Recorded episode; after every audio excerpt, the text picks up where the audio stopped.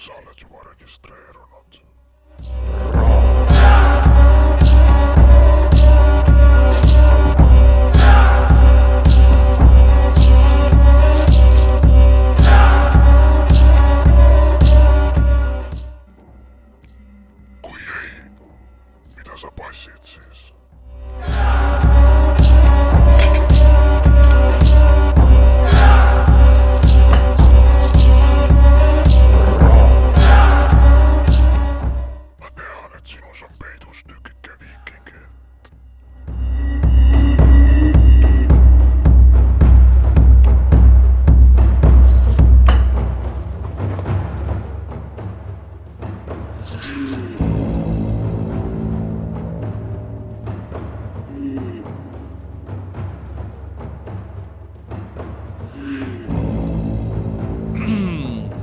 tervist, selline ilus laulukene siis äh, juhatamaks sisse seda episoodi, seda kaua tehtud kaunikest selles mõttes, et mul on olnud väga pikk paus eelmise episoodiga, on olnud äh, väga palju tegemist, võiksin öelda, on olnud äh, kolimist äh,, uute situatsioonidega harjumist, teistele eesmärkidele ümberseadistamist. Ning äh, üks eesmärk, millele sai siis tõsisemalt ümber seadistatud, ongi tänase podcast'i teema ehk siis jalgrattavõistlus nimega Red Bull Tour of Vikings. Ehk tänase episoodi eesmärk ongi käia üle see, kuidas see üritus sündis, mis see täpselt on, käia üle küsimused, mille ma Instagramis sain ja mis on tekkinud lihtsalt inimestega suheldes, mis ma arvan, et on sellised äh, adresseerimist vajavad äh, punktid. Ning siis teeme ka otseühenduses äh, kõne koos mõne osalejaga, kes tulevad Red Bull Tour of Vikingsile ning mis on nende mõtted, muljed ja taust enne siia meie korraldatavale võistlusele tulemist. aga alustame siis otsast. Red Bull Tour of Vikings on siis kolmsada kümme kilomeetrit pikk velotuur, kus ühe päeva jooksul tehakse tiir peale tervele Saaremaale ja see on siis jaotatud kolmeks etapiks ning muud polegi põhimõtteliselt. etappide vahel on kolmkümmend minutit pausi ja voila, lihtne. mis tuleb veel ära märkida, on see, et võistlejad ei tohi rajal kasutada tehnilist abi, peavad hakkama saama iseseisvalt ja suur osa võistlusest kulgeb kruusateel, metsavaheteel, liivateel, isegi munakiviteel eks ole. nii, sellega sa oled juba tõenäoliselt enam-vähem kursis, kui sa seda episoodi kuulad, ma kujutan ette, aga võib-olla, mis ma saaksin lisada äh, väärtusena siis teile on see, et alustame äkki otsast peale, kuidas see võidusõit üldse sündis. Äh, alustuseks siis peaks alustama sealt, et kaks tuhat kaheksateist juuni kuni kaks tuhat kakskümmend juuni oli minul au töötada Red Bullis field marketing manager'ina ehk siis olla vastutav kõikide spordikultuuri ja mõne muu nipet-näpet asja eest. ja tegelikult minu seal töötades, minul seal töötades oligi võimalus hakata selle ürituse kontseptsiooni nii-öelda looma et tegelikult ma tahaksin ära rääkida paar asja, kuidas see üldse alguse sai. Oli niimoodi, et noh, kui ma Red Bullis töötasin, siis oli minul põhimõtteliselt äh, päris asjalik otsustamisruum, keda, mida, millal, miks Red Bull Eestis toetab siis nii sportlastena kui üritustena ja ma pean ausalt ütlema, et ma natukene kahetsen, et ma tol ajal oma kahe aasta jooksul tegelikult jalgrattasporti toetasin palju vähem, kui ma oleksin võinud. Ja seda enda mingisugusest isiklikust põhjusest, mis ei ole absoluutselt mingi vimm või et mul oleks jalgrattaspordi vastu midagi, aga pigem vastupidi, ma arvasin, et kui ma suunan enda kui me suuname liiga palju tähelepanu Red Bulli brändina jalgrattasporti, siis võib-olla see on nagu minu isiklik soov ja isiklik vaade, mitte nii väga nii-öelda erapooletu otsustamine, millisele spordialale rõhku panna. aga õnneks mul olid head äh, mänedžerid ja kolleegid, kes tegelikult ise pakkusid välja, et võiksime teha üldse mingi jalgrattaürituse ja kui me hakkasime nendega koos seal alguses äh, nii-öelda aju tormama, brainstorm ima, siis me saimegi, saimegi aru, et äh, ma pean panema korraks äh, endal selle arvuti laadima, vabandust. me saimegi aru, et Äh, et tegelikult võiks korraldada midagi eksootilist ja midagi sellist, mida varem ei ole olnud. noh, kui me räägime eksootilisest ja Eestist, siis mis muu tuleb pähe kui Saaremaa ja päiksepealinn Kuressaare, eks ole. siis tegelikult see idee tuligi sealt, et alustada alustada mingisugust äh, ideed ketrama, et millise jalgrattaspordiürituse saaksime korraldada Saaremaal? Kuna ma olen palju kuulnud äh, ja näinud ja ise ka mõelnud ja tegelikult ka teinud juba Saaremaale tiiru peale, seda küll kahe päevaga, siis tegelikult üsna kiirelt saigi selgeks, et oh, äh, me saame teha mingisuguse sellelaadse ürituse, kuna viikingid on teadaolevalt pärit Saaremaalt ja ka jalgrattaklubi Viiking eksisteerib juba Saaremaal, siis äh, sealt hakkaski tekkima selline selline idee, kontseptsioon nagu Tour of Vikings kuigi tol momendil tegelikult meil ei olnud absoluutselt veel aimu tuurist eh, ja mis iganes, me lihtsalt mõtlesime, et mis kujul me seda tegema hakkame. et tegelikult variante ja võimalusi jalgrattaspordivõistluse tegemiseks on ju igasuguseid, aga mis on Red Bullile väga oluline, on see, et seal oleks selline innovaatiline osa sees ja et see pakuks ka tõelist elamust äh, osavõtjale, just osavõtjale, sest Red Bulli üritusel on alati number üks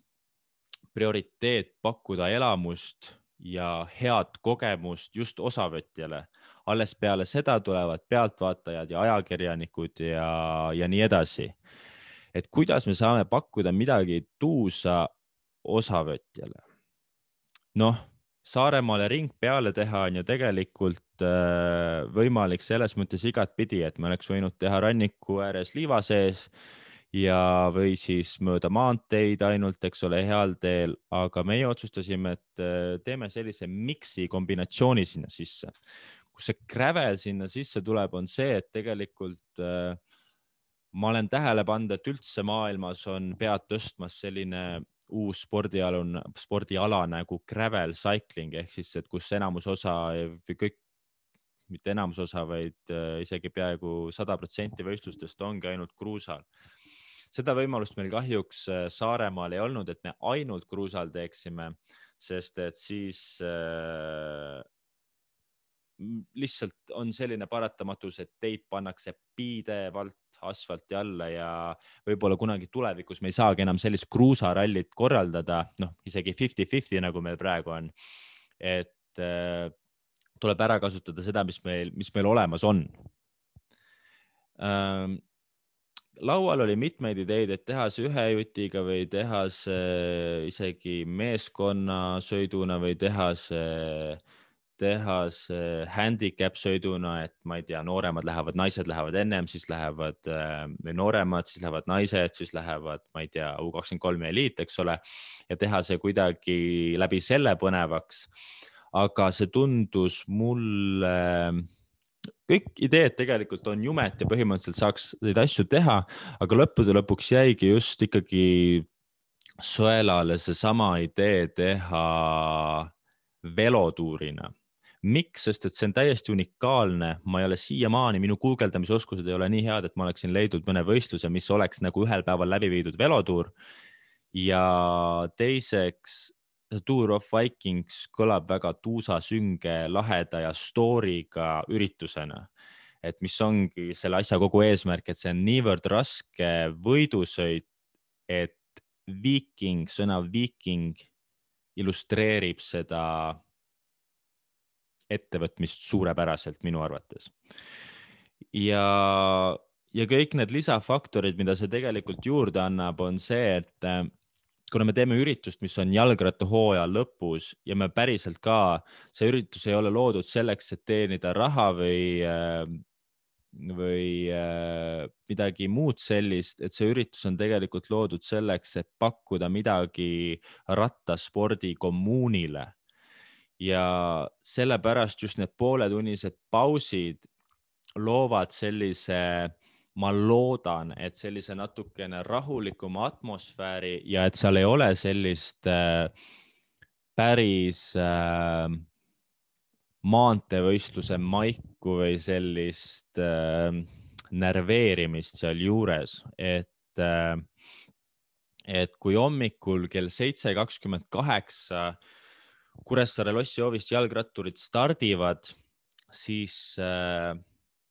piduliku stardina me lähemegi läbi linna välja Kudjapää suunas, kus algab äh, kruus. Ja umbes täpselt selle kruusa piiri pealt ongi siis tegelik start, kus ratturid lähevad esimesele kaheksakümne nelja kilomeetri pikkusele etapile. Mul ei ole isegi praegu kilomeetreid ees, täpselt nii professionaalne ma olengi. kui ma midagi nende faktidega puusse panen, siis see kõik, mis internetis on, on õige. Äh, kui me hakkame nüüd etapp etapi haaval läbi käima, see natuke, võib-olla natuke segane on, kuidas ma räägin, aga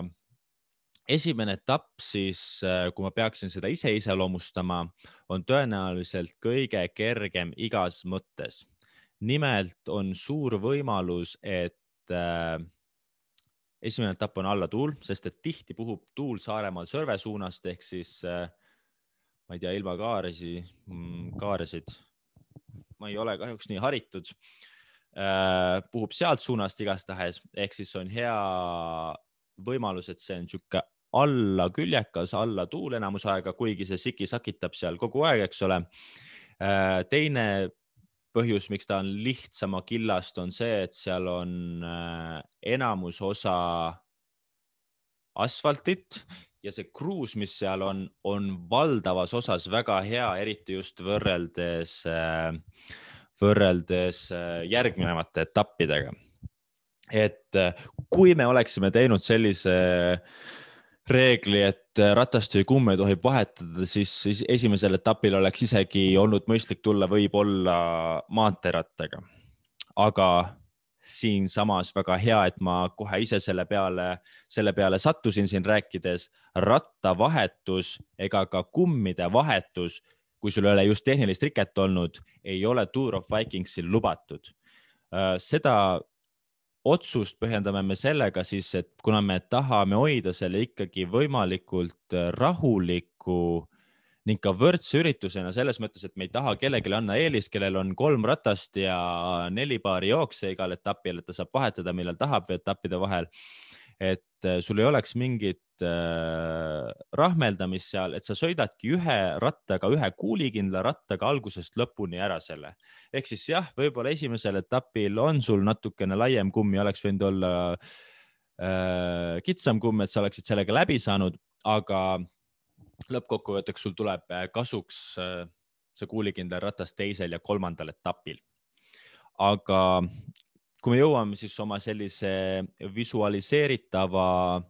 võistlusega praegu siin podcast'is esimese etapi finišisse, siis see finiš näeb välja niimoodi, et äh, see toimub siis äh, Tornimäe rahvamaja ees. kaardid ja asjad me kõik jagame ennem muidugi välja ka võistlejatele ja täpsemalt, kus, mis toimub, aga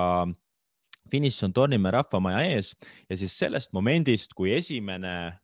võistleja tuleb üle joone, hakkab tiksuma taimer järgmises etapis stardi suunas, see on siis kolmkümmend minutit on sellest momendist aega. ütleme, et tuleb punt üle, seesama punt saab minna puhkama, saab minna rahvamajja, saab vahetada riideid, äh, mis on tal siis kaasas, kas äh, tänu support personalile, kes on kaasa tulnud, kes autoga siis sõidab või siis on igal võistlejal võimalik saata ka kilekott koos asjadega korraldaja kaudu siis stardist nii esimese kui teise etapi finišisse ja see informatsioon tuleb ka teile kas meili teel või siis Facebookis, kuskil mujal kanalites, sellega me tegeleme, et kõigile see kindlasti jõuaks. ning äh, jah, seal saab süüa, seal saab äh,, seal saab juua seal saab kuulata muusikat, seal saab puhastada enda ratast ja valmistuda järgmiseks etapiks. nüüd äh, järgmiseks etapiks valmistumine näeb siis välja niimoodi, et äh, sihuke viis minutit varem peavad kõik olema nii-öelda stardi ootamise koridoris, see ei ole stardi, see ei ole tee peal, sellepärast et osad võistlejad võivad veel lõpetada oma sõitmist, äh, esimese etapi sõitmist ja vahetult enne esimese etapi starti me tuleme joonele, me jagame välja liidrivesti,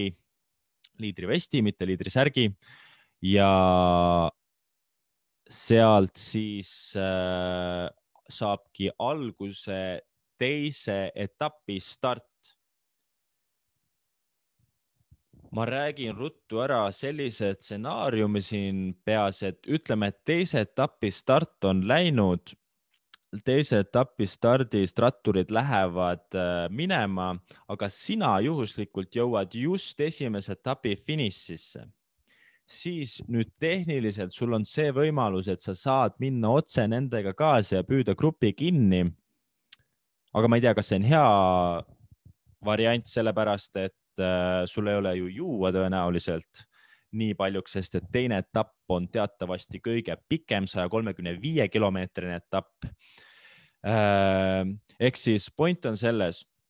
et kui grupp läheb üle joone ära, ehk siis see kolmkümmend minutit on äh, möödunud, siis kui sina tuled viis minutit hiljem näiteks,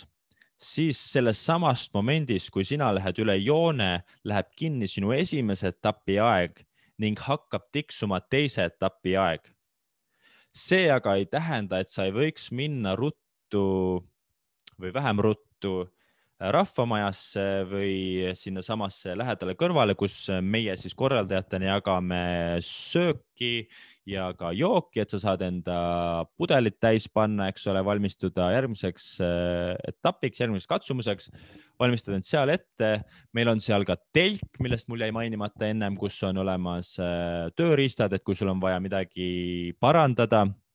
kuigi tööriistad peaksid sul kaasas olema endal nii või naa, selle põhjusel, et äh, kui sul raja peal midagi juhtub, siis sa pead seda niikuinii ise parandama, eks ole. aga seal on, seal on ka see telk, kus sa tahad midagi teha, mõnusamalt parandada äkki ja teed oma toimingud seal ära ja siis paned otse edasi teisele etapile, sest aga sul aeg juba tegelikult tehniliselt kogu aeg on käinud. nii, läheme nüüd selle juurde, et räägime teisest etapist äh, konkreetsemalt teine etapp on nüüd juba palju-palju keerulisem, et äh, seal on omajagu kruusa, see on kõige pikem etapp, ta läheb igatpidi äh, singer-vinger äh, mööda rannikut ja vähem mööda rannikut, tegelikult ei lähe mööda rannikut üldse, vabandust minu ema professionaalsuse eest ja ma otsin kohe selle kaardi üles. ahah.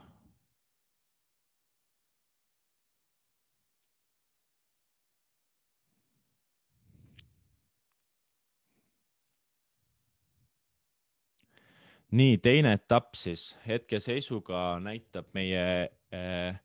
raja kaardimeistri Oliveri tehtud kaart äh, asfalt, must kate on viiskümmend kaheksa kilomeetrit ehk nelikümmend kolm protsenti. kruusa on sellest seitsekümmend kaks koma kuus kilomeetrit ehk viiskümmend kolm koma kaheksa protsenti ning muud teekatet neli koma neli kilomeetrit ehk kolm koma kaks protsenti. ma arvan, et üheks selliseks kõnealusemaks teemaks ongi see, et mis see muu teekate siis on. muu teekate on tegelikult juba teise etapi suhteliselt alguses enne mm, kuivastu maanteed ületamist. põides on või põidel, ma ei teagi, kuidas seda on õigem äh, käänata, on äh, munakivi lõik, seal on kuussada meetrit pikk selline maasikas munakivi lõik, kus on tõesti, kui ma seda nägin kevadel radu tehes äh,, mul tuli tilk püksi, et see on tõesti ilus. see on tõesti ilus, see näeb välja nagu Paris-Roubaix. Paris-Roubaix'st rääkides, Tour of Vikings on Paris-Roubaix'ga samal nädalavahetusel. kui legendaarne on see, et kaks niivõrd vinget üritust on ennast ära mahutanud ühele nädalavahetusele, mis on eriti mõnus, on see, et meeste Paris-Roubaix on pühapäeval ja meie sõit on laupäeval. laupäeval on ka naiste Paris-Roubaix. Äh, üks munakivisõit, eks ole võib-olla Roubaix'l on natuke rohkem, äh, natuke rohkem munakivi kui meil, aga mis sellest, ka meil on see kuuesaja meetrine lõik ja see on ikka, see on juba üritusele tulemist väärt, ma arvan. igastahes sealt lähme edasi, siis tuleb selline, selline koht, et me ületame Virtsu-Kuivastu maantee ja äh, siis tuleb juba igasugust teed siin, et nagu ma ennem mainisin, siis kruusa on palju, aga on ka asfaltit, et ta nõnda vaheldumisi läheb, et korraks kruusal, korraks asfaldil. ja kui nüüd kruusast rääkida, siis äh, paljud on nagu küsinud, et mis rehviga tulla ja nii edasi, siis korraldajana ma ise kindlasti tahaks nagu seda vastutust enda peale võtta, et, äh, et pane see rehv ja tule see, et millega sa pead arvestama, on see, et tehniline abi puudub, mis tähendab seda, et sa pead tulema kuulikindla rattaga, mis tähendab seda, et, äh, et pane võimalikult tugev kumm, ma ei tea, mis see on, aga pane võimalikult tugev kumm, sest et kui sa juba kummi paned ja sa üksinda jääd ja seda vahetama jääd, siis sul on nagu selles mõttes kellad, et jah, sa võid jõuda järgmiseks etapiks mängu tagasi nii-öelda, aga üksinda sõites sa ikkagi paned väga palju energiat hakkama ja kus ma seda juttu alustasin, ongi see, et tegelikult neid teekatteid selle kolmesaja kümne kilomeetri peale sa saad kõike, sa saad asfaldit, sa saad väga head kruusa, sa saad sellist kruusa, mis on parem kui asfalt. sa saad kitsa, kitsast kruusa, sellist teed, kus on võib-olla väike mururiba keskel, sa saad sellist kruusa, kus on väga lai tee, sa saad sellist kruusa, kus veereb paremini kui asfaltil. sa saad sellist kruusa, kus on nii suured kivid nagu su vanaema kartulipõllul sa saad absoluutselt kõike, et sa pead olema valmis selleks, pluss lisaks see muu teekate tähendab seda, et näiteks ma võin tuua ühe sellise koha nagu Karujärve kant Teejevus. Äh, see on siis vana sõjaväe baas ja sealt läbi sõites me läheme välja ühele raudteetammile ning see raudteetamm on tegelikult sellisel, selliseks korralikuks metsavaheteeks juba kasvanud, et ta on väga mõnus sihuke, ma arvan, et ta on pigem kuiv, isegi kui ta on märg, selles mõttes, et seal on vist männimets kõrval ja seal on liivakarjäär kõrval. see liivakarjäär teeb selle natuke isegi liivaseks, seal on siuksed kahekümne, kolmekümne meetrised liivakohad, mis ei ole nagu, ma ei nimetaks neid väga tehniliseks, aga noh, maantee rehviga sealt läbi minna on ikka ebamugav, ma arvan ma arvan, et see on väga ebamugav, et see muu tee tähendabki sellist, äh, sellist kohta, et neid ei ole väga pikalt ja väga palju, aga nad ikkagi eksisteerivad. ja sealt äh, läbi minnes me hakkamegi jõudma teise etapi lõppu, see siis on, äh, see siis on kihelkonnal ja seal me teeme Tagamõisa poolsaarel sellise väikse tiiru sisse ja tulemegi kihelkonnale, kus siis pood on jällegi pood. finiš on äh, kihelkonna poe ees ja sealsamas lähedal on ka rahvamaja, kus saab kasutada WC-si ja sama jutt nagu Tornimäel äh, juua vett, värki-särki. ja seal on siis samamoodi pooletunnine paus ja selles mõttes kõik on juba teada, mis toimub, eks ole nüüd siin on juba palju suurem tõenäosus, et keegi jääb poole tunniga maha ja peab edasi sõitma nagu üksinda, et sellega tuleb arvestada, aga võistlejad äh, lähevad siis äh, täpselt pool tundi hiljem esimese finišeerumist ka kolmandale etapile. kolmas etapp on äh, ma arvan isegi, et kõige ilusam ja lahedam etapp, et äh,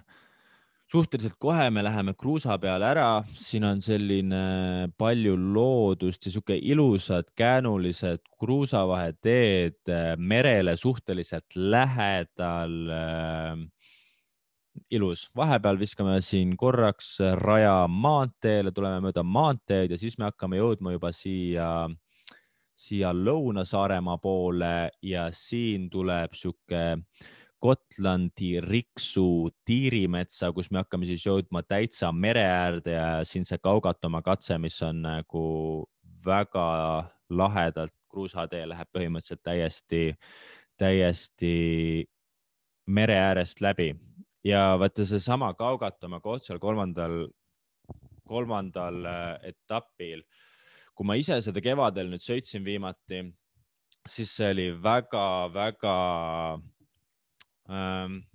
halva kruusaga, et seal oligi selline kruus, et seal ikka ujus korralikult, mul endal on vist nelikümmend kaks millimeetrit kummi, et sellega seal oli väga mõnus graveliga, aga kitsama kummiga, ma ei tea, noh, kui sul on juba mingi kakssada viiskümmend kilomeetrit selja taga ka, eks ole,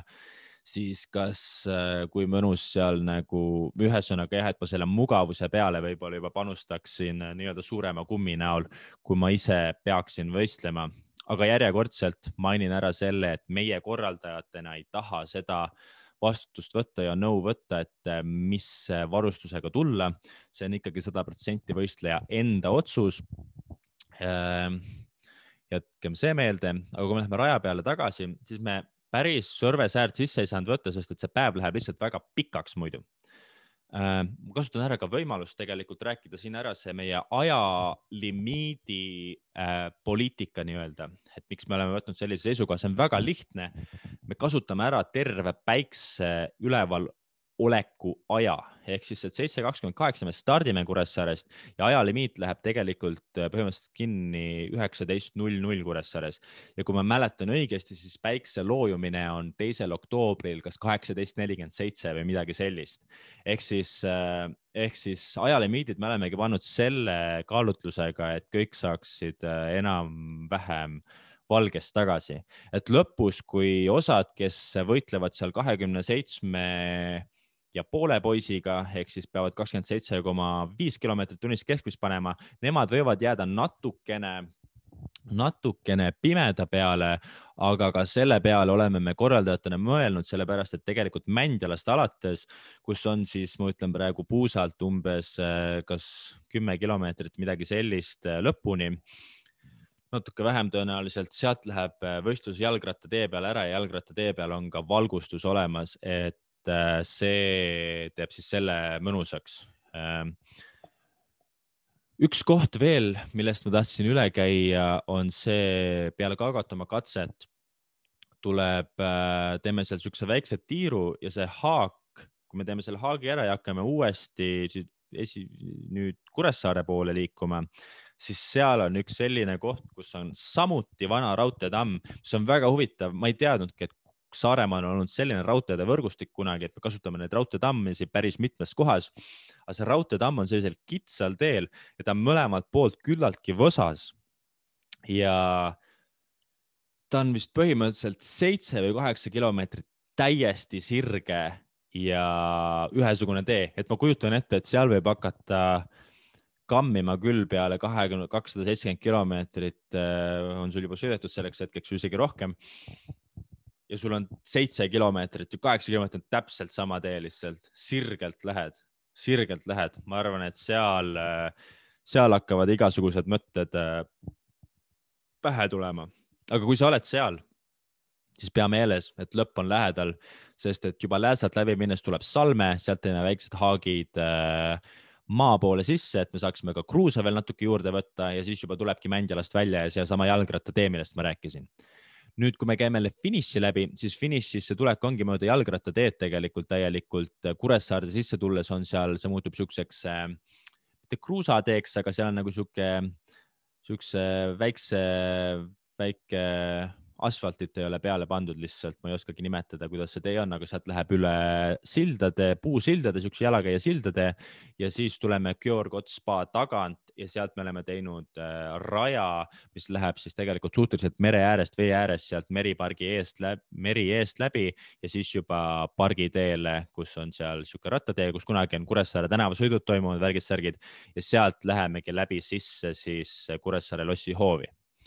finiš finiši kohta informatsiooni veel tuleb kindlasti ka täpsete plaanidega, aga finiš jääb praeguse seisuga siis äh, niimoodi, et sa tuled Kuressaare lossihoovis sisse vasakule poole sa näed, nagu on laululava, aga meie keerame vahetult enne lossi paremale ja siis sõidame selle sirge ära ja peale natukene lossi seinast nii-öelda möödumist on siis finišijoon, et, äh, et see informatsioon tuleb nii, kui me oleme nüüd raja suures pildis läbi käinud, siis ma vaatan ära, mul, äh, ma tegin Instagramis sellise väikse, väikse mängukese, mängukese, ma lihtsalt küsisin küsimusi teilt, et äh, kas on mingeid asju, mida ma saan vastata. ja ma otsin need äh,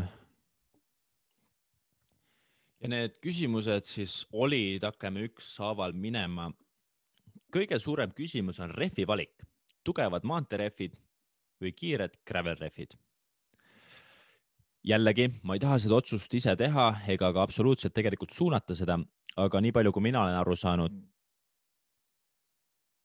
ka teistest inimestest, kes on targemad kui mina, siis äh, kiired, tugevad gravel rehvid on kindlasti parem valik selle peale, kui võtta arvesse seda, et kolmesaja kümne kilomeetri peale, see rehv saab torkeid iga nurga alt. see peaks olema mingi rehvitootja test isegi tegelikult, sest et see on, ähm, see on suur, suur asi. järgmine küsimus on, mis ilma lubab? vaatame siis kohe järgi, mis ilma lubab, sest et äh, sest et ilm on pidevalt muutlik ja siiani on nagu üle kahe nädala aega, ehk siis äh, ilmateade ei pruugi kõige täpsem olla, aga üks lehekülg nimega AccuWeather äh, siiski pakub seda pikka ilmaennustust. Ja ma siit äh, võtangi välja siis selle koha prognoosi teiseks oktoobriks teisel oktoobril näitab hetkel üksteist kraadi. äiksetormide tõenäosus null protsenti,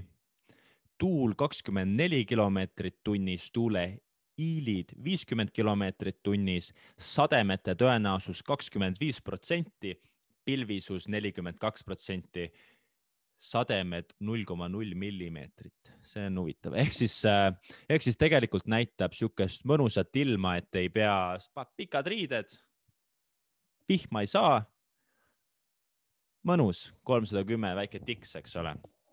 ma ma loodan, et tegelikult see on päris hea ilm, et ma mäletan, eelmine aasta oli samal, samal päeval oli neliteist kraadi ja päike ehk siis suhteliselt sama ilm, et ma loodan, et päike tuleb välja ka meie jaoks, sest et tellitud ta sai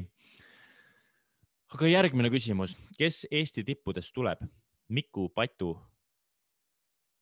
lätlane Vosekans laikis ka pilti, ilmselt taas stardis mm. -hmm. siin väikesed spekulatsioonid käivad äh,. olen näinud äh, stardilisti ehk siis inimesi, kes on siiamaani registreerinute listi, õigemini stardilist on see, kes siis lõpuks stardis on. registreerunute listis äh, Mikut ega Patut hetkeseisuga ei ole, sest et äh,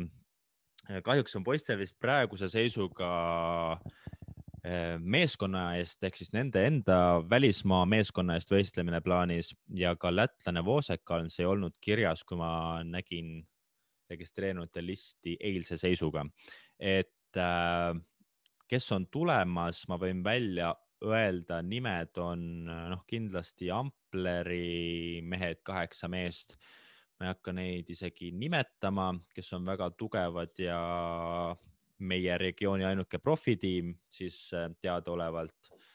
tuleb äh, kindlasti, oli registreerinud Gert Kivistik, Gert Jõer ja siis, kes mul meeles on praegu peast äh, juba Jörgen Matt, kes on pelotoni värvides äh, saarlane tegelikult ja, ja tegelikult selles mõttes ma ei äh,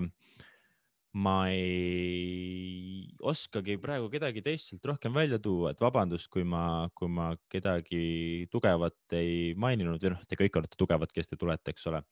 aga,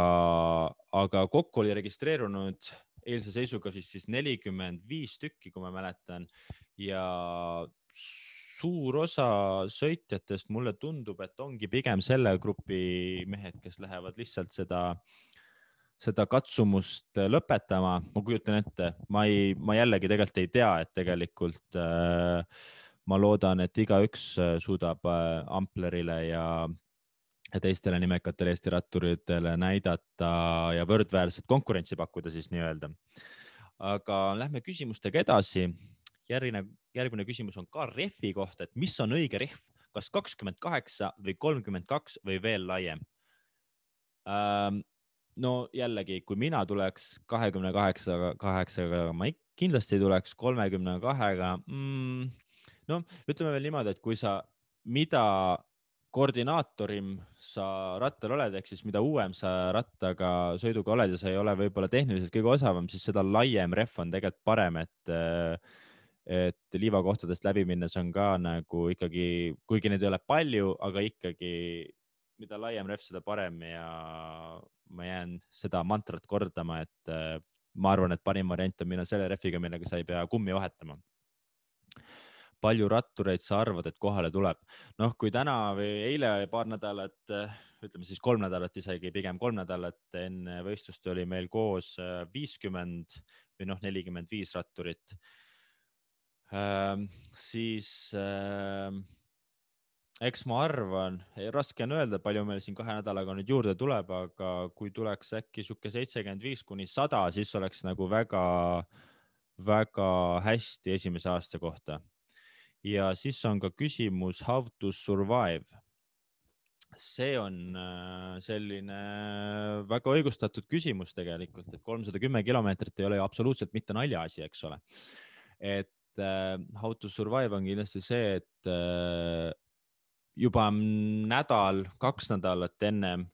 võib-olla trennidega selles mõttes natukene mõelda, et, et kuna sügise poole üldse võib-olla keha, ma räägin praegu tegelikult enda nii-öelda kogemusest, keha võib-olla taastub juba natukene nagu halvemini või see tippvorm nii-öelda selline äh, loomulik tippvorm on võib-olla läbi, sest et see tuleb siukse suve ja vähemalt minul oli niimoodi, et siis tasub võib-olla jah, mitte ennast nagu tühjaks sõita ja et see treenimine peab olema suures plaanis nagu ennem tehtud niikuinii, et võib-olla sihuke üks-kaks võtmetreeningut, eks ole, on seal viimase kolme nädala sees, võib-olla rohkem, olenevalt siis treening, treening, treenitusastmest. et algab sealt, aga et hoida seda värskust, siis kindlasti süüa viimastel nädalatel okeilt palju, et su keha ei jääks errorisse, et see ei ole enam koht, kus kaalust alla võtta ja kus enda keha stressi viia. viimastel nädalatel kindlasti tarbida soolasid, mineraale, et keha oleks nagu valmis selleks. aga mis ma arvan, et on kõige olulisem, on see, et sa just nagu mentaalselt suudaksid mitte ennast nagu üle töötada, et tuleb, mis tuleb, eks ole. sa lähed peale, sa annad enda parima ja sa oled lihtsalt läbi sõitma, tegelikult see kolmsada kümme kilomeetrit on ikkagi noh nagu kõige ehtsamas mõttes maraton, mitte sprint, et, ähm, et seal ongi pigem vaja sihukest tahtejõudu ja, ja kannatusvõimet, aga noh, see, kui sa oled juba kirja pannud ja kui sa juba kaalud tulemus, tulemist sellisele võistlusele, siis see on ju teil kindlasti olemas, et äh, selles küsimust ei ole. Äh, küsimused said mul nüüd otsa. las ma mõtlen, kas mul on veel midagi rääkida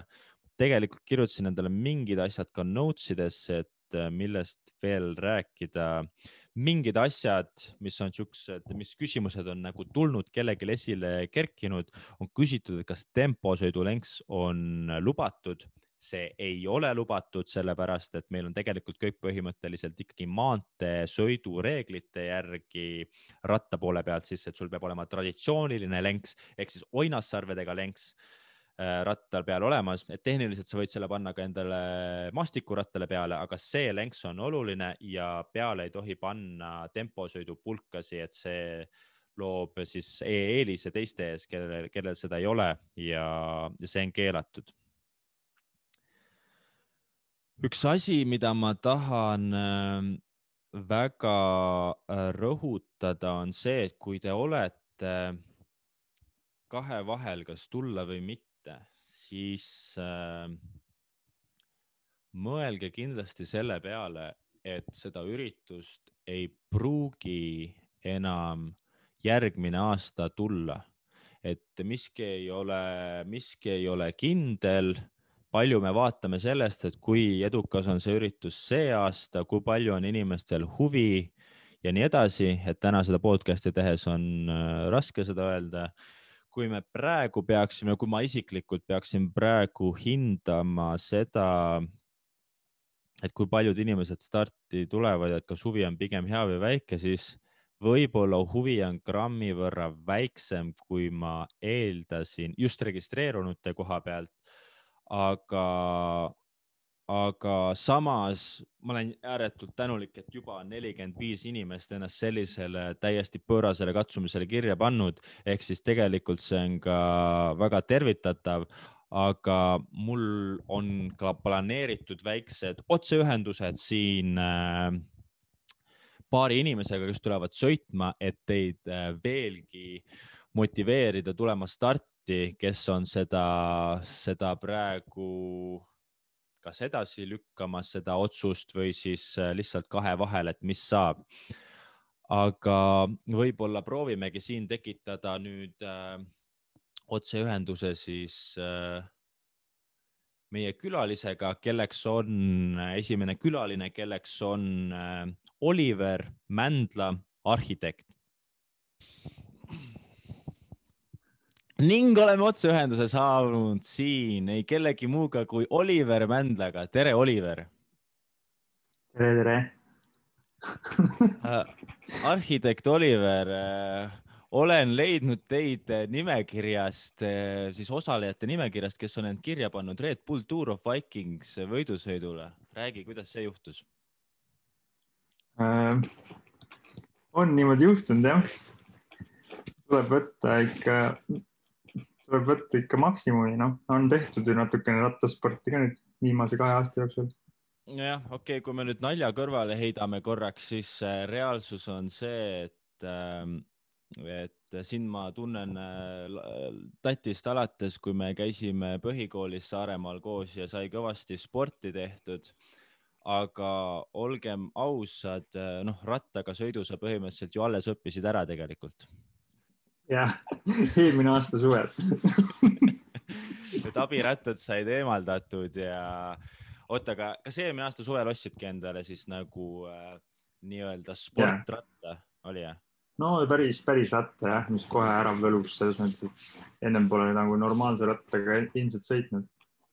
ja kui palju sa sellest ajast saadik oled äh, üldse sõitnud äh, näiteks kilomeetrites?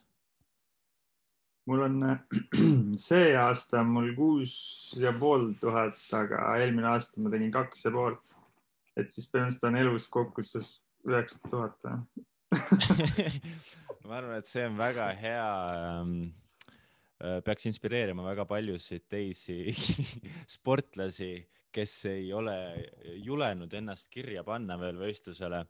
aga, aga kas sa oled võistelnud ka ja kus? Ma käisin äh, eel, eelmine aasta ma käisin, äh, ma ei tea, kumb enne oli, aga Kõrvemaa rattamaratonil käisin ja seal ma käisin oma vana siukse hübriidmaastikurattaga. aga siis äh, eelmine aasta käisin ka seal Gravel Grinderil, mis oli nagu äge ja rohkem ma pole võistelnud. et äh, kruus on siis nagu ja maastik on nagu sinu teema, jah? Ja see ratas on ka tsükloratas, mis ma ostsin ja siis äh, see on nagu äge jah aga. kuigi noh, nüüd nüüd ma olen ikkagi rohkem tegelikult maanteed ka sõitnud, et seda kiirust ka taga ajanud, aga kruus on ikka äge. nojah, Tour of Vikingsil võib kiirus ka marjaks ära kuluda, aga kui palju sa oled üldse rattaga sõitnud ühe korraga kõige pikemalt? Mul eelmine aasta juba proovisin, kui ma selle ratta sain, siis veits natuke tegin. Ja siis käisin, kuna ma olen ka Saaremaalt pärit nagu sa, siis ma käisin kodus rattaga, nii et mingi kakssada, kahesaja neljakümne kiltsane ots on kõige pikem. Ja see aasta tegin sedasama, et, et see ongi nagu lagi praegu. jah, selles mõttes tuleb au anda Ja- sul. mul on, selles mõttes kakskümmend seitse oli umbes seal keskmine, et selle pealt on hea minna viikingu sõidule. nojah, aga viikingisõidul on see, et sa ei pea vähemalt üksinda kogu aeg tempot tegema, aga Wow. mul on see, et äh, isegi minul on vist maksimaalne distants, mis ma olen läbinud ühe päeva või ühe trenni jooksul on vist mingi kakssada kakskümmend kilomeetrit ehk siis veel vähem Mhm. kui, kui sul, et see kakssada nelikümmend on juba täitsa soliidne number. aga kui me räägime nüüd konkreetsemalt Tour of Vikingsist, siis mis meeleolu sind valdab, kui sa, kui sa mõtled sellele võistlusele, selle teise oktoobri hommikule? pudru sisse ja minema.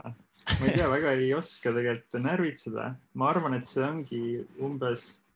noh, ma kujutan ette, et peaks nagu läbi jõudma sõita. kui kellegiga koos sõita, et, et üksi ei taha jääda, et siis, siis läheb raskeks, noh. Aga ega ma väga, mul on isegi peas see, et kui ma jõuan, kui peaks juhtuma nii, et ma jõuan nagu kaks etappi ja kolmandasse ei jõua, et midagi ei juhtu, et äh, järgmine kord, kui toimub, lähen uuesti. et väga üle ei pabista. tugevamana kui kunagi varem. okei, okei, kas sul, sul on ju tegelikult ka nagu eraeluliselt päris kiired ajad, et said siin hiljuti isaks ja kas, kas see lähiajal üldse on äh, trenni jõutud ka teha pereisana? kuule, juhtus nii jah, et äh, kolm nädalat juba isa. aga ma just täna hommikul käisin, nii et äh, praegu salvestamise ajal on kell üksteist, et kuuest läksin ja tegin kuuskümmend kiltsa. see on peab pühendumus, ma leidma selle selle aja mm. -hmm. ossa, aga kuule, kuuest on pime juba ei ole või? hommikul Äh, praegu täpselt läheb valgeks. Okei okay,, no siis sa harjutad täpselt ennast selle päikserütmiga, mis on ka Tour of Vikingsil mm, -hmm. kui, kui päiksetõusu ajal lossihoovist äh, minek on. okei okay, äh,, kas sul on võib-olla mõni küsimus äh, minule, äkki ma oskan aidata sind äh, vastusega või äh, midagi?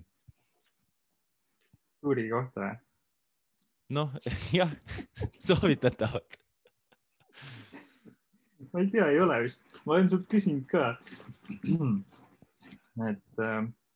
dopingukontroll on. ma igaks juhuks Vaat- ei ütle praegu, kas on või ei vaatasin ole. seda Ikarust just, et äh, jah, võib-olla peaks. ei, ma arvan, et sa oled piisavalt tugev, et see asi teha läbi ilma, kuigi jah, et kakskümmend seitse pool kilomeetrit tunnis umbes tuleb keskmiseks sõita, et ajalimiiti mahtuda, aga jah, ma arvan, et võib-olla kui aeglasemalt sõita, siis hakkakski külm, et see on tegelikult niisugune paras, paras distants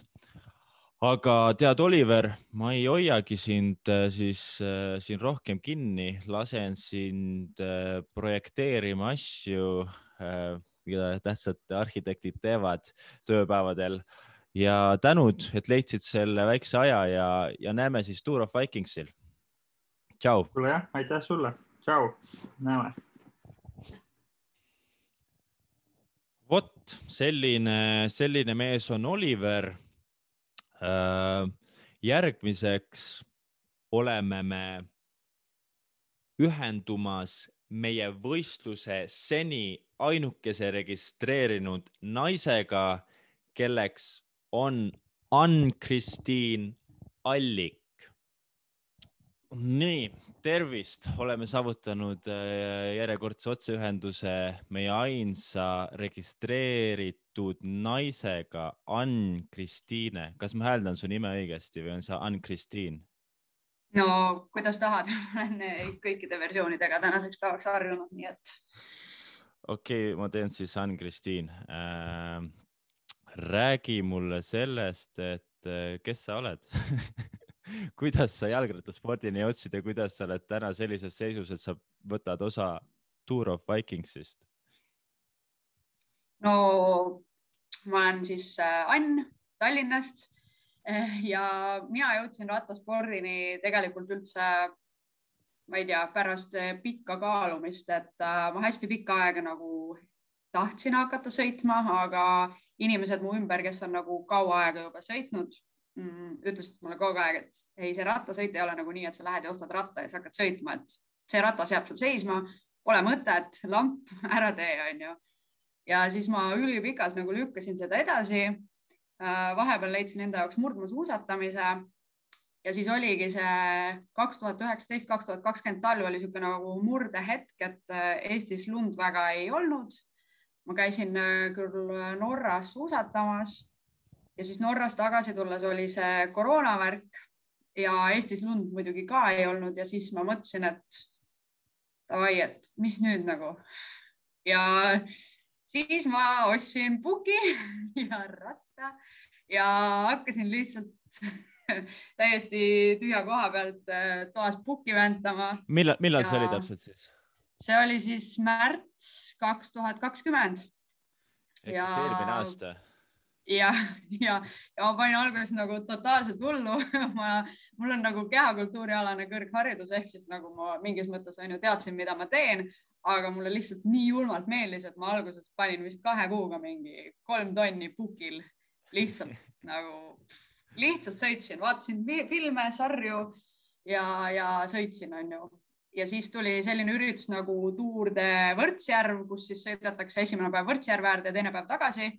Ja siis see oli mu esimene nagu õuekatsumus rattaga niimoodi sõita. meil oli meeletult rõve ilm ja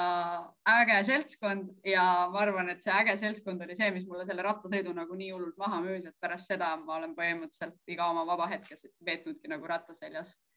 ja jah, põhimõtteliselt sellest sellest Võrtsjärve sõidust alates nagu on kõik muud asjad käinud rattasõidu ümber ja, ja nii ma siia jõudsingi, et. Kui palju kilomeetrit see Võrtsjärve tiir oli? Äh, esimene päev oli äkki kakssada kümme ja teine päev oli mingi kakssada kolmkümmend, kakssada nelikümmend. et äh, see oli nagu minu jaoks oli jälle see olukord, et äh, ma nägin seda üritust, mõtlesin, ossa, et noh, et ma ei ole ju midagi sellist teinud, et nagu vahet ei ole, et ma panen kirja ja et ma helistan sellele korraldajale. Ja siis ma helistasin sellele tüübile, ta ütles mulle, ei ole hullu, saateauto on olemas, et kui ei jaksa, istud sinna, ehk siis ma läksingi plaaniga, et ma sõidan sada ära ja siis lähen olen saateautos. aga jah, kui juba esimene päev ikkagi lõpuni jõudsid, siis teine päev oli nagu lihtsam sõita ja, ja jah, kuidagi sai tehtud okei, okei, aga kui me nüüd tuleme siia aastasse ja Red Bull Tour of Vikingsi juurde, siis kuidas äh, kuidas on ettevalmistus selleks sujunud, ehk kui palju sa kilomeetreid oled näiteks see aasta sõitnud ja, ja mis sa arvad sellest võistlusest ja, ja kuidas valmistud? no see Tour of Vikings on nagu küll selline üritus, et kui ma juba kuulsin sellest, siis ma olin nagu mingi, mis asja, kui äge, ma tahan täiega minna aga alguses ma olin nagu veits kõhklev, sest ma tahtsin samal päeval Tartus pool maratoni joosta, see jooksmine on mul nagu kõige uuem hobi. Aga siis ikkagi jah, see Red Bulli üritus on nagu, see on ikka jube äge. Ja, ja no ega selles mõttes selleks ettevalmistust ma ju otseselt nagu eraldi enam ei olegi teinud, sest et see aasta ma võistlesin äh, maanteerattaga esimest hooaega, käisin, tegin aerobike'i maanteekarikasarja. Ja, ja noh ikkagi sellega seoses ma olen päris palju kilomeetreid kogunud, vist enam-vähem kolmteist tuhat peaks olema see aasta. et siis ma arvan, et selles mõttes niisugune suurem töö on tehtud, et, et mida ma nüüd olengi siin viimased paar nädalat nagu rohkem rõhku pannud, on just see erineval maastikul sõitmine, et kuna siiamaani ma olen niisugune suht maanteekunn olnud, et siis ma olen praegu käinud nagu metsas ja, ja see nädal on Tartu see rattamaraton ka, mis siis tegelikult ma arvan, on väga hea osa sellest ettevalmistusest, et seal on ka niisugust gravelit ja igast värki päris palju, et siis ma arvan, et äh, see juurde ja mõned niisugused maastikuharjutused erinevate, erinevate pinnastel sõitmine ja siis noh, ega siin enam kilomeetreid ei kogu, et pigem just, et, et vaim oleks valmis igasuguste muude asjade peal sõitma, et jah, ja see on tõsi, kolmteist tuhat kilomeetrit ei ole üldse naljanumber sõita ja kui sa oled nagu võistelnud ka see aasta, siis ma ei näe nagu väga isegi probleemi, aga kui sa ütlesid, et see Võrtsjärve seal teisel päeval te tegite kakssada kolmkümmend kilomeetrit, kas see ongi sinu kõige pikem ühe päeva jooksul läbitud distants või, või oled sa rohkem sõitnud kunagi kuskil? Äh, no see aasta Võrtsjärve sõidul me tegime teine päev, kuna mingid teeremondid olid, siis meil tuli tagasitee kakssada kuuskümmend viis äkki või, et äh, oli isegi pikem. aga noh, mis ma vahepeal tegin, kuna ma elasin Saksamaal, et siis ma panin võib-olla vähem rõhku sellele pikale distantsile, aga ma tegin selliseid äh, korralikke ronimissõite, et ma sõitsin sada kolmkümmend kilomeetrit ja kolm tuhat pluss tõusumeetrit on ju, et ma arvan, et see on nagu teistmoodi olnud nagu väga heaks äh, baasiks on ju, et eriti just selle Tour of Vikingsi jaoks, et noh, ma selles mõttes ma olen nagu harjunud sõitma kaua, et ma võin seal sadulas istuda tunde ja tunde ja kopp mul ette ei tule ja valus ei hakka, et selles mõttes ma arvan, see on nagu see, mis sellel päeval äh, kindlasti kaasa aitab. okei okay., aga kui sa mõtled täna praegu teise oktoobri hommiku peale, siis äh, mis äh, mõtted või emotsioonid sind valdavad? No ma olen ülihyped nagu, ma lihtsalt, äh, kui ma saaks, ma juba hakkaks äh, stardi poole liikuma. et äh, noh, ma arvan, et, et see tuleb nagu üli-ülituus üritus. ma, eks ikka mingisugune sihuke kartus on sees, aga samas ma korraldasin siin nädalavahetusel seda Rahva Naiste sada üritust ja, ja minu üks suurimaid muresid on alati see, et kui rehv läheb, siis ma pean seda vahetama. ma olen neid küll omajagu elus vahetanud aga nüüd ma sain nagu jälle nagu värskelt seda teha, et mul see aasta polegi väga vaja olnud, et, et nüüd on nagu värskelt jälle rehve ka vahetatud siin ja siis on nagu ikka sihuke enesekindlus jälle tagasi, et noh, et kui rehv läheb, siis ma võin selle paari minutiga seal korda teha ja edasi panna, et jah, tõepoolest, et see on siis üks eripäradest, mis Tour of Vikingsil on, et sa pead olema valmis iseenda ratast parandama nii-öelda, kui mingisugune äh, probleem esineb, aga kas on sul mingit küsimust äkki minule, mida ma oskan võib-olla vastata või mis äh, ma olen kuulnud, tegelikult ma räägiks sellest, et ma olen kuulnud ka seda, et teil on nii-öelda väike selline grupp äh, formuleerumas äh,, kes on siis äh,, tahate selle äh, me nimetasime omal ajal nagu, äh, kui oli vaja kolmkümmend kilomeetrit tunnis näiteks keskmist sõita, siis me nimetasime seda kolmekümne poisiks või äh, et kolmekümne poiss alistada ja siis meie üritusel Tour of Vikingsil nüüd on see põhimõtteliselt sihuke kakskümmend seitse koma viis poiss, mis tuleb alistada, et, et teil on mingisugune grupp moodustumas, et seda, seda alistada. kas ma olen õigesti aru saanud? nojah, selles mõttes, et me hakkasin nagu, kui ma ise sain aru, et okei okay,, et mul on ilmselt minek, et siis ma ei saanud sõpru ka küla peale niisama jätta, et siis ma hakkasin neid ka moosima, et, et äh, lähme, lähme teeme ära. Ja siis alguses hakkas seal ikka tulema mingeid arvutusi ja kui, kui kiiresti, kes peab kuskil sõitma, et ikka saaks piiridesse. ja siis, äh, siis ma lõpuks ütlesin ära, et davai, mul on nagu nii ja nii palju sõpru, ma tean, kuidas nad sõidavad. Ma viin meid kõiki omavahel kokku ja lähmegi, teeme ära, et nii-öelda matkagrupp, et noh, et, et me ei ole nagu mingi öelnud kellelegi, et ära proovi panna, onju, aga lihtsalt, et see teadmine, et meil on taga või kuskil olemas mingi seltskond, kellega on alati olnud tore koos sõita, kellega me oleme käinud seal Võrtsjärvel ja nii edasi, et siis see annab nagu seda enesekindlust, et noh, et muidugi ilmselt kõik üritavad anda endast nii palju, kui saavad, onju, aga lihtsalt, et, et ütleme, kui ikkagi tuleb nagu sein ette ja päris nagu tee äärde ei taha jääda, siis see teadmine, et me võime ka kuue või kaheksakesi sinna lõpuni kordamööda tööd tehes minna, ma arvan, et see annab nagu palju juurde, et see, see ilma, ilmavärk ju muudab ka nii palju, et tõesti, kui peaks olema mingid siuksed tuuled, nagu meil siin praegu on, et siis äh, ja ma kuulsin sealt kohast, et ühesõnaga tuuled ja värgid teevad võistluse raskeks ja võivad teha raskeks ilmastikuolud, et siis äh, on olla alati seltsis segasem nii-öelda, eriti rattaspordis, kus see tuulessõidu efekt on, eks ole, nagu märkimisväärne. et äh, seda on väga tervitatav kuulda, sest et ma isiklikult olen kuulnud ka osadelt, äh, osadest ringkondadest, et inimesed rattasõiduga seotud mehed, isegi kes on võib-olla palju pikemalt olnud seotud kui sina, ei julge tulla, sest et äh, A, B ja C probleem. aga sa oled nagu heaks äh, näiteks, et äh, võib küll ja, ja mis minu arust on nagu selle kontseptsiooni sihuke võlu, on see, et esiteks äh, sul on kolmkümmend minutit aega, et punt jookseb kokku, ehk sul on see võimalik, võimalus, et te saate nii-öelda esimese osa sõita jällegi isegi kui, kui keegi jääb maha, saab sõita natukene pikemalt pundis ja teine asi on see, et äh, see on etappideks jaotatud, eks ole, et tegelikult ei juhtu midagi, kui sa ei saagi seda kolmandat etappi sõita või et sul on nagu enamus osa tehtud ja sul on tegelikult kahes protokollis, sa oled nii-öelda kirjas juba. et, et see on üks asi, aga ma arvan, et see, et väljakutse peabki olema äh, alati selline, kus sul on tegelikult suhteliselt suur võimalus ka, et see ei õnnestu, sest muidu see ei ole tegelikult väljakutse, eks ole, et äh, minu arust näiteks kui ma, ma, see on väga nagu ülbe asi, mida öelda, aga ma arvan, et nagu maratoni läbijooksmine või läbimine sportlikul inimesel ei ole väljakutse, sest et sa saad selle läbi jalutada siis kasvõi, et sa jah, väljakutse on see, ma ei tea, jooksta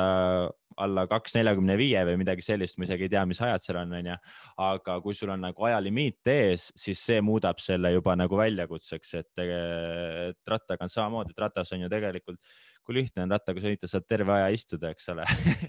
ja lihtsalt vändata, et aga kui sa pead seda kiiresti tegema, siis see muudab selle natukene raskemaks aga jah, oli, ma arvan, meeldiv äh, sinuga tuttavaks saada ja ma loodan, et sul need viimased nädalad äh, lähevad äh, täpselt nii, nagu nad peavad minema ja et sa oled Tour of Vikingsiks valmis ja siis stardis või stardieelsel õhtul näeme, ma arvan juba kindlasti. ja seda kindlasti, ma väga ootan okei okay,, kuule, aga thanks sulle ja näeme. ja aitäh sulle Ka, tšau. ning kolmandaks proovime kätte saada juba radu skautimas käinud mehe, tõsise võistlusmehe, Euroopa meistrivõistlustel startinud mehe Gert Kivistiku nii ja oleme kätte saanud siis äh, mehe otse Euroopa meistrivõistlustelt äh, Gert Kivistiku. ütleme niimoodi, et noh, tähtsamad sõidud, äh, tähendab vähem tähtsamad sõidud on nüüd tehtud ja ees on nagu äh, tähtsad sõidud, et äh, räägi, kuidas sul Euroopa meistrivõistlustel läks? no nagu arvata oli, ega me läksime sinna nii-öelda, kuidas nüüd öelda, et natuke nagu lootuses, et vaadata, mis, mis teised suured riigid teevad, aga ega selle armu ei antud ja stardist pandi kohe punn peale ja lihtsalt oligi selekteeriv sõit ja iga tõusuga järjest mehi pudenes, et noh. aga sain seal ikka mingi maa sõidetud ja üks hetk imesin seal Kristoffi ja mingit Sam Benneti ja selliste meestega tõusu peal maha ja et noh, kogemus ikka, et linnaringi sain kirja ja ja selles suhtes oli vägev ikka, et mis seal ikka, et otseselt ei oodanud ka midagi, et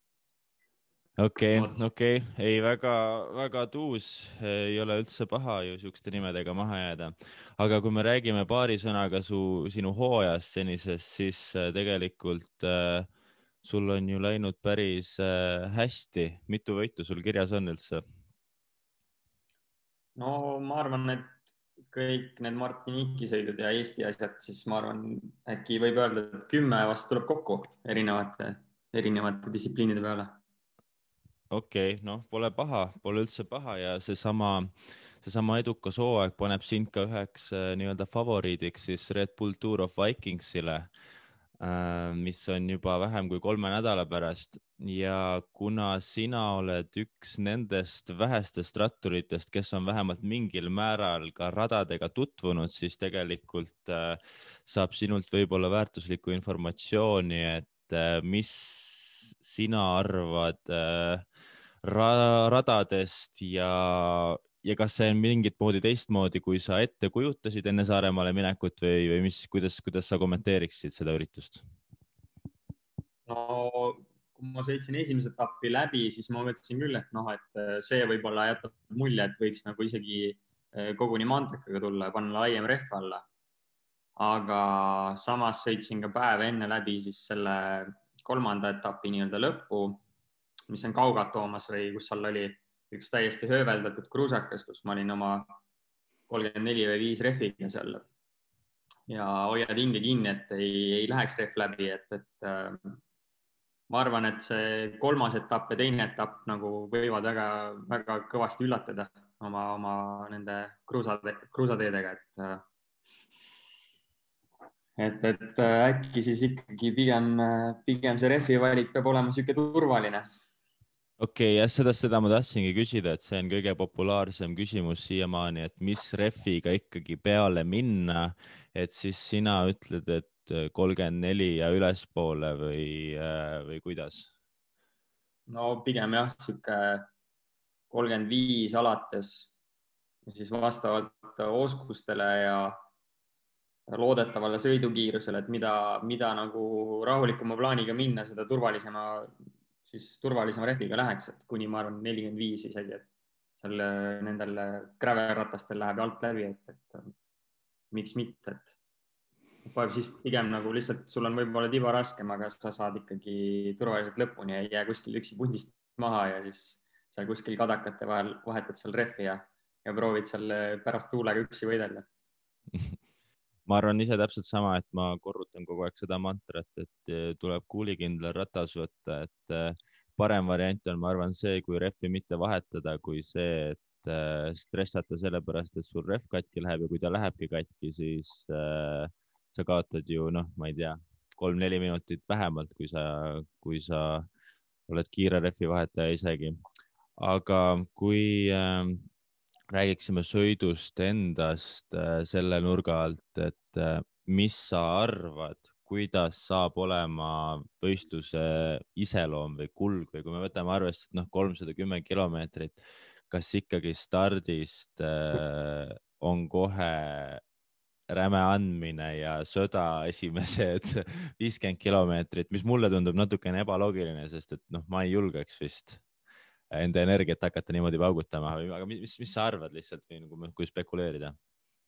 ma arvan, et äh, kui sõit oleks ainult eestlastega, siis hoitaks nagu tiba tagasijalgul, aga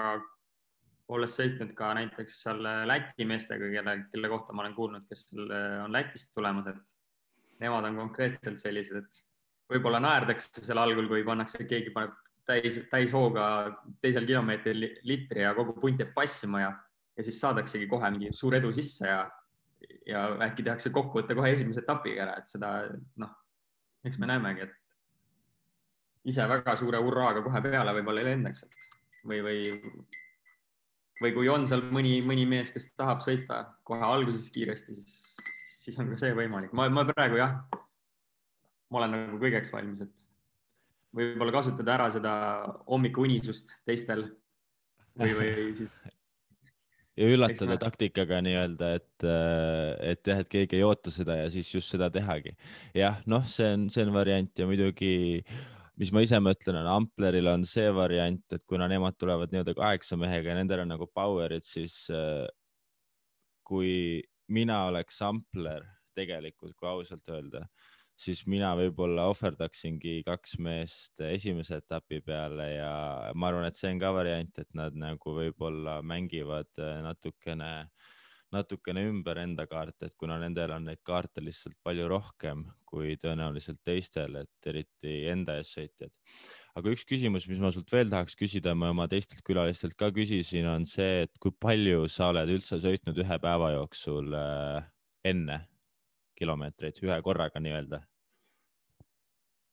ma arvan, minu maks oli äkki mingi kakssada kakskümmend viis, kui oli, oli see üks mingi Balti, Balti teki velotuuri etapp. Tallinn-Tartu äkki mingi kaarega.